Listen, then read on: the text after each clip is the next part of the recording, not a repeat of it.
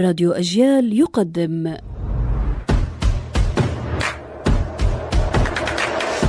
أصل الكلام عارف حجاوي كنت أسير إلى جانب الأستاذ رمزي ريحان رحمه الله فمال إلى دكان وقال لي إنه يريد شراء صابون بالم أوليف نطقها هكذا نطقا إنجليزيا صحيحا.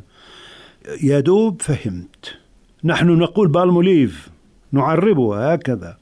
ولكن هذا النوع من الصابون يزعم أنه مصنوع من زيت النخيل بالم وزيت الزيتون أوليف على الأقل في اسمه. زيت الزيتون نعرفه.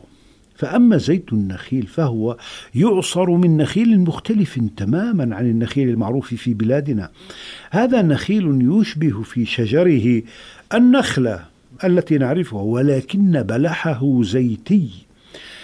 ونحن نأكل زيت النخيل مع أنه لا يوجد في بلادنا كل يوم نأكله في البسكوت ونأكله خصوصا في النوتيلا مملوءة بزيت النخيل. من هنا حلاوتها وطراوتها.